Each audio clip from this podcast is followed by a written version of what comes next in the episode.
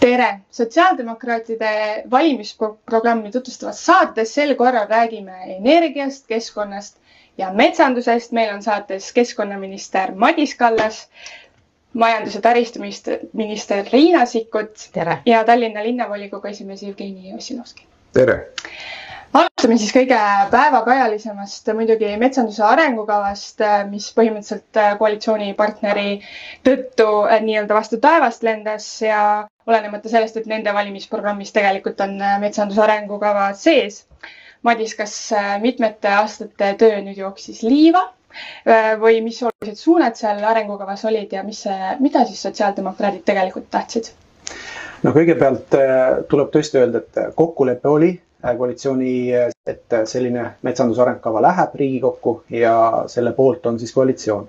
see, et viimasel hetkel Isamaa hüppas alt ära, oli negatiivne üllatus, aga selle eest oli mind hoiatatud, aga ise võib-olla oli liiga, liiga siis naiivne ja lootsin siiski lõpuni, et ikkagi see suur töö, mida just mina olen olnud selle sees kuus kuud, aga ettevõtjad, teadlased, kohalikud omavalitsused, kogukonnad on tegelikult tegelenud sellega viis aastat ja tegelikult nende suhtes see oli väga ebaõiglane, ebaaus ja meil jäid ju suunad andmata. kõik ootasid, mismoodi ja kuidas järgmine kümnend Eestis metsandust majandatakse, mismoodi me väärindame rohkem metsa, mismoodi me teeme nii, et Eesti metsa ei läheks väärindamata ekspordiks väga palju ja need suunad jäid ikkagi andmata ja nüüd olemegi olukorras, kus tegelikult ei tea loodushoiu pool, kuidas, ei tea ettevõtjad, kuidas et äärmiselt kahetsusväärne olukord tekkis.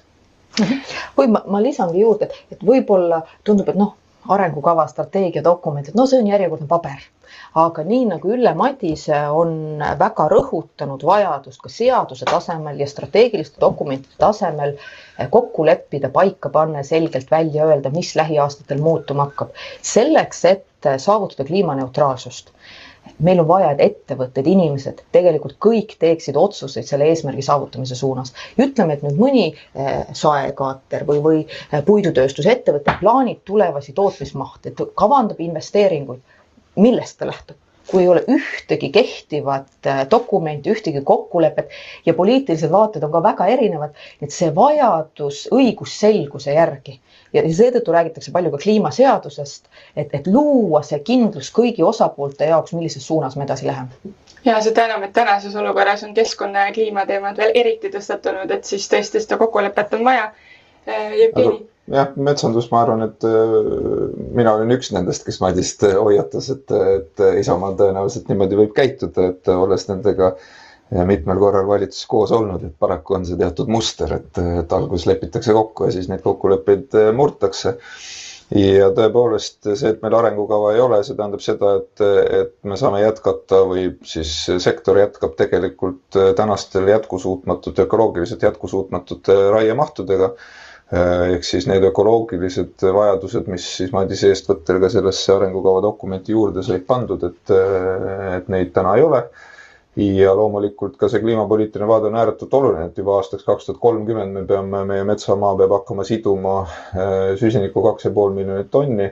Äh, no mitte ainult metsamaa, teised maakasutusliigid ka sinna juurde, eks, ja, ja täna me oleme jõudnud olukorda, kus metsamaa on muutunud netoheitjaks, nii et sellel asi on selles, et see ei puuduta tegelikult mitte ainult sektorit, vaid lõpuks see hinnalipik kvoodi ostmise mõttes tuleb maksumaksjale ja see, et me ei suutnud sellega praegu hakkama saada, et, et vähemasti see esimene vähendamise, raiemahtude vähendamise samm teha, see on kindlasti ääretult kahetsusväärne. Aga noh, õnneks valimised on varsti ja sotsiaaldemokraatidel on, on, on kindlasti kõige ökoloogiliselt sisuliselt vastutustundlikum metsanduse programm parlamendiparteidest ja, ja kindlasti see on oluline teema meile valimiste järgselt. ja ma võib-olla klaariks ka selle ära, et on proovitud kuidagi tekitada olukorda nagu äh, metsandussektor ehk siis tööstus on nagu need halvad ja keegi kuskil on mingi head, et tegelikult ei ole küsimus selles.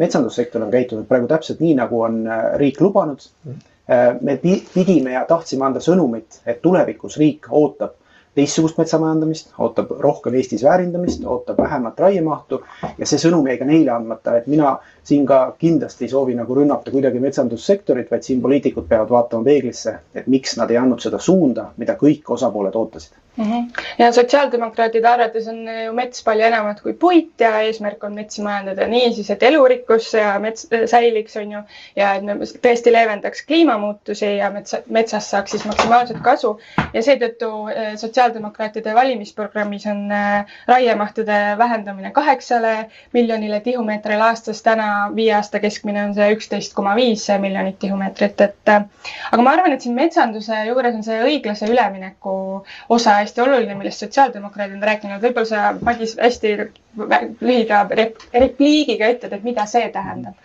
no kui me räägime õiglasest üleminekust, siis võib-olla kõige parem paralleel ongi see, et me teame, et me peame väljuma põlevkivi kasutusest sellises mahus. loomulikult siis ei toimu homme, see toimub järk-järgult, aga metsanduses samamoodi, kui me ikkagi tahame et me liigume, ütleme, väärindamata puidu pealt rohkem väärindatud puidu peale, keemiatööstused Eestis oleks, et, et selles valguses me peame riigina appi tulema, me peame kaasama ülikoole, kellega me oleme teinud äärmiselt palju juba koostööd. me peame andma erinevaid meetmeid, et kuidas ettevõtted, kes seni on majandanud ühtemoodi, saaksid teha investeeringuid, et tulevikus nad saaksid rohkem väärindada ja need kõik olid ka planeeritud siis metsanduse arengukavasse. summa oli sada kakskümmend miljonit, mis selle jaoks oli planeeritud. et ka need raamid jäid tegelikult praegu vastu võtmata ja ongi ka selles valdkonnas teadmatus, aga suund on jah see, rohkem väärindame Eestis ja rohkem peab riik siin tulema appi aga lähe, lähemegi siit kokkulepete mõttes äh, kliima ja keskkonna peale üle, et paljude erakondade programmis on kirjas kliimaseadus, aga seda väga nagu lahti ei ole kirjutatud, mida see siis tähendab. et see on jäänud nagu inimestele segaseks. Jevgeni, mida sotsiaaldemokraatide vaates see kliimaseadus tähendab? Ja tõepoolest, mõned erakonnad on öelnud, noh, et võtaks ühe deklaratsiooni vastu, ütleks, et kliimamuutused on, on tõsine mure ja, ja seda tuleb lahendada. et meie kindlasti nii minimalistlikku hoiakut ei, ei toeta, et meil on, on reaalselt puudu sellisest pikaajalisest strateegilisest juhtimisraamistikust, ma ütleks. et kuna kliimamuutustega võitlemine nii Eesti sees, globaalselt, Euroopa Liidu tasandil on kõikehõlmav kõiki valdkondi puudutab, siis tegelikult selleks peab tekkima ka kompleksne juhtimisraamistik. seda on rõhutanud tõepoolest ka, nagu Riina õigesti ütles, ka õiguskantsler, et ei piisa lihtsalt, et me oleme kuskil need eesmärgid ära öelnud või öelnud, et näed, Euroopa Liidu tasandil on mingid õigusaktid vastu võetud, me peame Eesti seadustes tegelikult need konkreetsed kavad, eesmärgid ära sätestama ja sellest tulenevalt meil selline nägemus on, see laias laastus koosneb kahest osast, üks on see, et meil peab kõikide valdkondade kaupa tekkima tegelikult siis nii-öelda õigusaktina kinnitatud tegevuskava. on ta siis transport, energeetika, maakasutus ja nii edasi, mis tegelikult määrab ära riigi sihid, riigi tegevused ja ka ootused siis teistele isikutele ehk siis ettevõtetele, eraisikutele ja nii edasi, et kõigil oleks põhimõtteliselt arusaadav, et, et kuhu suunas me liigume ja, ja teine pool sellest on siis see, et meil tekiks nii-öelda juhtimisraamistiku mõttes ähm, on meie idee siis luua ka kliimanõukogu, teadlastest koosnev kliimanõukogu. selle eeskujuks, idee eeskujuks on Suurbritannia siis seaduse Climate Change Acti ehk siis nende kliimamuutuste seaduse alusel loodud siis teadlastest koosnev nõukogu, kes annab äh, nende parlamendile siis iga-aastast ülevaadet ja perioodilist ülevaadet sellest, et kas valitsus iseenda võetud kohustusi tegelikult täidab, kas me oleme siis, teeme piisavalt. deklareerida, et aastaks kaks tuhat viiskümmend kliimaneutraalsus tuleb, see on ilus asi, keda sellele vastu eh, peaaegu kedagi ju ei ole aga et kui me, kas me tegelikult liigume õiges suunas, kas need investeeringud, mida me planeerime, et kas need on tegelikult äh, adekvaatsed või mitte, sest äh, selle kaudu tekivad lõpuks ka valikud, noh, võtame transpordis. kas me eelisarendame rongiliiklust selleks, et inimesed saaksid mugavamalt ühistranspordi liikuda või ehitame, on ju, äh, massiliselt laiasid maanteid, et need kaks asja mõlemad maksavad raha, eks ju, et kui me võtame sihiks selle, et autostumine peab vähenema, siis tegelikult me peame planeerima ka nende liiklusvoogudega transpordis. nii et nii et see, ma arvan, on üks kindlasti hästi prioriteetne asi, mis tuleks järgmisel parlamendil ette võtta ja selline raamistik kehtestada. ja eile toimus äh, Eestimaa Looduse Fondi eestvedamisel äh, kliimateemaline debatt kaks tundi kliimaseadusele ja mina ette mõtlesin, kuidas on võimalik kaks tundi arutada kliimaseadusele ja see debatt oli suurepärane, see on järgi vaadatav, nii et äh, soovitan kõigil seda teha. ja lisaksin siia paar aspekti, et noh, üks küsimus, mida tegelikult moderaator Johannes Tralla siis meilt küsis, aga mis siis juhtub, kui kliimaseaduses on pandud eesmärgid, sihttasemed, asjad paika valdkondlikult, et inimestel oleks ja ettevõtetel pikalt ette teada, kuhu me liigume. kui me ei saavuta mõnda eesmärki, mis siis saab? Mis, kas kuidagi kedagi karistatakse või keegi astub tagasi, et kuidas me siis saame juhtida seda, et nende eesmärkideni jõutakse.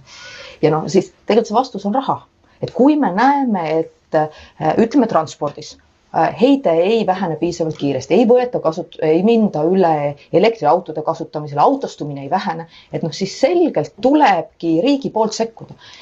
Kiiremas tempos jalgrattateid ehitada või laadimistaristut välja arendada, kortermajade juurde panna laadimispunkte, kehtestada nõudeid arendajatele selles osas, et neid viise, kuidas eesmärkide saavutamist juhtida, tegelikult on ja riigil on võimalik nii eurovahendeid kui eelarvelisi vahendeid suunata, aga see kokkulepe peab olema ja pikalt ette teada. nüüd teadlaste puhul lisaks teadusnõukojale minu meelest on väga tähtis see ühiskonnas see selgitav roll et see ei ole selline poliitiline võitlus, et noh, Jevgeni arvab ühte, mina arvan teist, aga et, et ka teadlased aitavad neid valikuid selgitada ja põhjendada avalikult. teadlaste noh, nagu usaldusväärsus ja renomee on teistsugune ja me tegelikult koroona ajal nägime, et, et, et on võimalik teadlaste selline esiletõus ja, ja noh, arvamusliidriks muutumine ja ma arvan, et kliimaküsimustes on seda vaja. ja nüüd viimase asjana ma tooksin esile, et no lisaks kliimaseadusele, mida on kahtlemata vaja noh, eile ka arutati kliimaministri üle, mida on ka kahtlemata vaja. aga ma arvan, et äh, niivõrd oluline muutus ja selle elluviimine ei saa sõltuda noh, konkreetse ametis oleva valitsuse ma ei tea, tahtest. et, et kes konkreetse inimesena täidab kliimaministri rolli, kui tõsiselt ta seda võtab, kas seda teemat peetakse eelarve läbirääkimistel prioriteediks, et nii nagu demokraatia puhul meil ei ole siin seda, et peaminister vastutab, et meil oleks siin demokraatlik valitsemine nii institutsioonid, kodanikud, kõigil on oma roll demokraatia hoidmisel. meil on kogu avalik sektor üles ehitatud niimoodi, et ühe inimese soovi järgi ei saa noh, demokraatiale joont peale tõmmata ja samamoodi tegelikult peaks olema kliimaalaste eesmärkidega, et igas ministeeriumis, igas organisatsioonis, igas ettevõttes on oma roll. see, kuidas avalik sektor hankeid välja kuulutab, et sa ei saa valida, kas sa teed kliimasõbraliku otsuse või valiku, vaid see, see on juba institutsionaalselt, see on reeglitega niimoodi paika pandud, et see toimub läbivalt. Madis on sidanud, et see mõtteviisi muutus on siin eelkõige vajalik. absoluutselt ja tegelikult, mida me peame veel vaatama, on see, et väga paljud asjad on meile Euroopa Liidu poolt juba ette antud ja, ja mitte, et need on Euroopa Liidu poolt meile peale surutud, vaid Eesti inimesed ju ja vähemalt peaks olema nii, et me ise tahame, et meie keskkond oleks puhtam, meie inimesed oleks tervemad ja nii edasi. et selles valguses on väga palju asju lihtsalt, mis, mis ei saa edasi ka lükata ajas, et kui öeldakse, et noh, miks me teeme mõttetute, miks me tegeleme mõttetute seadustega või miks me teeme selliseid asju. Need on reaalsed sammud, mis meil tuleb astuda ja mitte sellepärast, et meid kästakse, vaid sellepärast, et me tahame. ja üks äh, tähelepanek või on see, mis veel, et hästi palju räägitakse rohepöördest. see on juba muutunud teatud mõttes nagu selliseks sõimusõnaks, et räägime rohekokkuleppest ja mis on rohekokkulepe? rohekokkulepe ongi see, et me teeme teatud tegevusi selleks, et tulevik oleks äh, puhtam, meie keskkond oleks paremini hoitud. see, et me veel kolmkümmend aastat tagasi ei sorteeri prügi või meil oli äh, maakondades kümme korda rohkem ilma igasuguse kontrollita jäätmejaami. noh, see on kõigil on kuidagi aru, iseenesestmõistetav. või et tee ääred olid prügi täis. või see, et meil näiteks heit reovesi juhiti väga paljudes alevikes otse merre. jälle see, see on nagu standard, mis on muutunud, see ongi rohekokkulepe, et me enam selliseid asju aktsepteeri. või see, et autod ei tohi enam teha nii palju müra või nendel on teatud heitenormid ette antud jälle. kolmkümmend või kakskümmend aastat tagasi oli see mõeldamatu võib-olla, aga täna me võtame seda iseenesest. see ongi rohekokkulepe ja kui inimestelt küsida, kas see ongi see nii-öelda ajupesu, kõik ütlevad ei, et need on need normaalsed asjad, neid tulebki teha aga rohekokkulepe ongi see.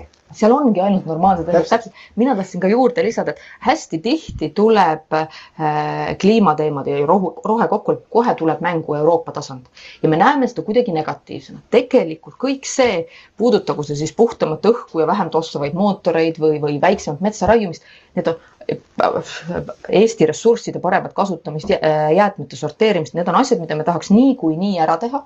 aga on teatud asjad, mille puhul me jääme hätta no näiteks Eestis ei ole autotööstust ehk siis isegi kui me sooviksime, et tuleks suurem valik taskukohaseid elektrisõidukeid, meil ei ole võimalik ka riigi, riigina seda, seda kuidagi juhtida.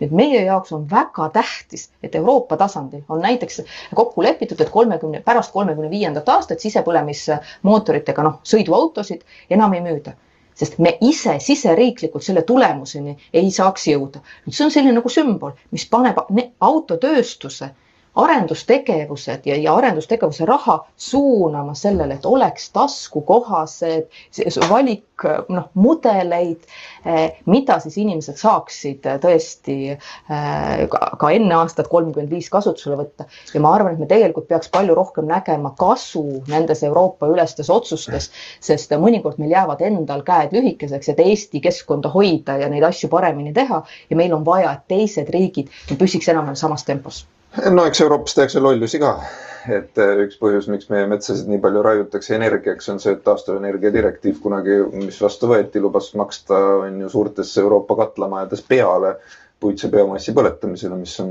arulage tegevus, aga, aga suurte söejaamade omanike lobi tulemusena see ka Euroopa õigusse jõudis, nii et eks laias laastus ma olen nõus, et Euroopa tasand on meiesuguse väikeriigi jaoks võimalus õigeid asju koos teha äh, heade partneritega, aga eks loomulikult ka teatud kriitilisus oma huvide mõttes äh, tuleb ka silmas pidada. aga kliimaseaduse puhul lihtsalt üks asi lisaks sellele, et noh, et on nii-öelda mingisugused äh, selged eh, arusaamad sellest, mida riik teeb, on, tahaksin veel korra esile tõsta seda, et see annab ka selguse ettevõtlusele. no võtame noh, näiteks ka põlevkivitöösturid ise on öelnud, et nad tahaksid teada, et mis aastast siis riik kavandab seda, et me rohkem põlevkivi ei, ei kaevanda, seda rohkem on ju ei, ei põleta. Äh, selleks, et teada, missuguses horisondis nad investeeringuid, kas nad teevad või ei tee. Mm.. aga meil on noh, hetkel ikka veel jätkuvasti sellist udujuttu, et, et mõni arvab, et noh, küll tulevad mõned tehnoloogiad ja saab edasi põlevkiviga edasi samamoodi põletada. Need signaalid ei ole selged, et riik peaks tegelikult ütlema üheselt ära, et me töötame välja õiglase ülemineku plaani, me näeme, kuidas Ida-Virumaa majanduspööre ära teha selles aja perspektiivis ja siis me näeme, et, et tegelikult oleks vaja siis ka äh, põlevkivile leida siis majandus, majanduse mõttes alternatiiv, energeetiline alternatiiv tekib taastuvenergia näol juba aastaks kaks tuhat kolmkümmend valdavalt või siis näiteks teine teema, põllumajandus. et põllumajandus näiteks praegustest äh, on, on tekkinud noh, teatud ärevussektorid, mis on õigustamata. Äh, et, et, et ka nemad peaksid näiteks kolmekümnendaks aastaks kahekümne viie protsendi võrra oma heitmeid vähendama, mis on neile väga keeruline. Äh, ehkki tegelikult, kui me vaatame seda noh, nii-öelda potti, kus nad oma heitmetega koos on, siis seal on põhiliselt tegelikult teised valdkonnad, mis, mis peaksid selle pingutuse ära tegema. ja ma arvan, et riik võikski öelda selgelt, et me ei, ei eelda, et põllumajandus peab, ma ei tea, loomakasvatust poole võrra kokku tõmbama aastaks kaks tuhat kolmkümmend, andma tegelikult sellele sektorile kindluse.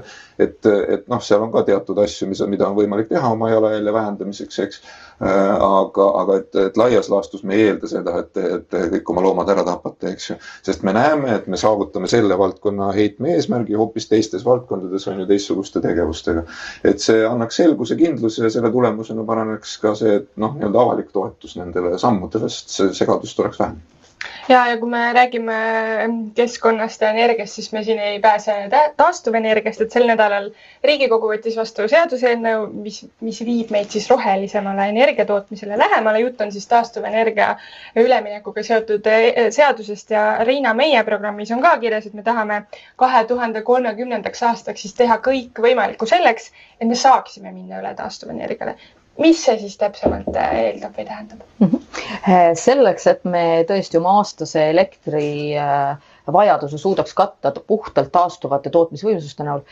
selleks ühelt poolt on vaja neid tootmisvõimsusi püsti panna, seda riik ei tee, aga menetlusprotsesse saab kiirendada. me näeme, et arendajate huvi on suur, paljud on planeerimisprotsessis päris kaugele jõudnud, keskkonnamõjud, hinnad et seda, seda valmisolekut, kui me suudame riigi poolt ka menetlusi kiirendada, äh, vajadusel kas standardiseerida, lühendada, äh, mingisuguseid etappe kokku tõmmata, et võimaldada juba nende olemasolevate planeeri-, äh, plaanide realiseerimist kiiremas tempos.